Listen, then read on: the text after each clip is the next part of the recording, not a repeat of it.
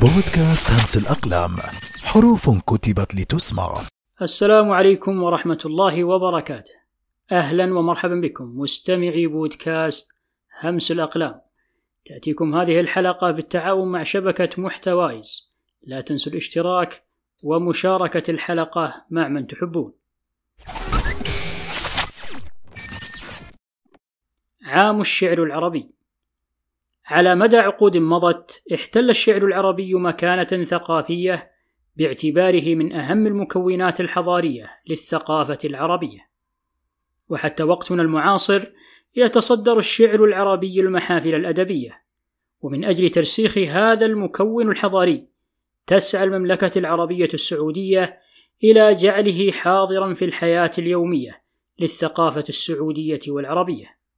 وعليه تقررت تسمية عام 2023 ليكون عام الشعر العربي. بهذه المقدمة عرفت وزارة الثقافة عام الشعر العربي وقررنا نحن في بودكاست همس الأقلام أن يكون هذا الموسم مخصص للشعر العربي وللتعريف بأشهر شعراء وأدباء العرب على مر العصور. كونوا معنا وادعمونا بمشاركة هذه الحلقات مع المهتمين بالشعر العربي الأصيل. بودكاست همس الأقلام حروف كتبت لتسمع فرعوا لها أسماعكم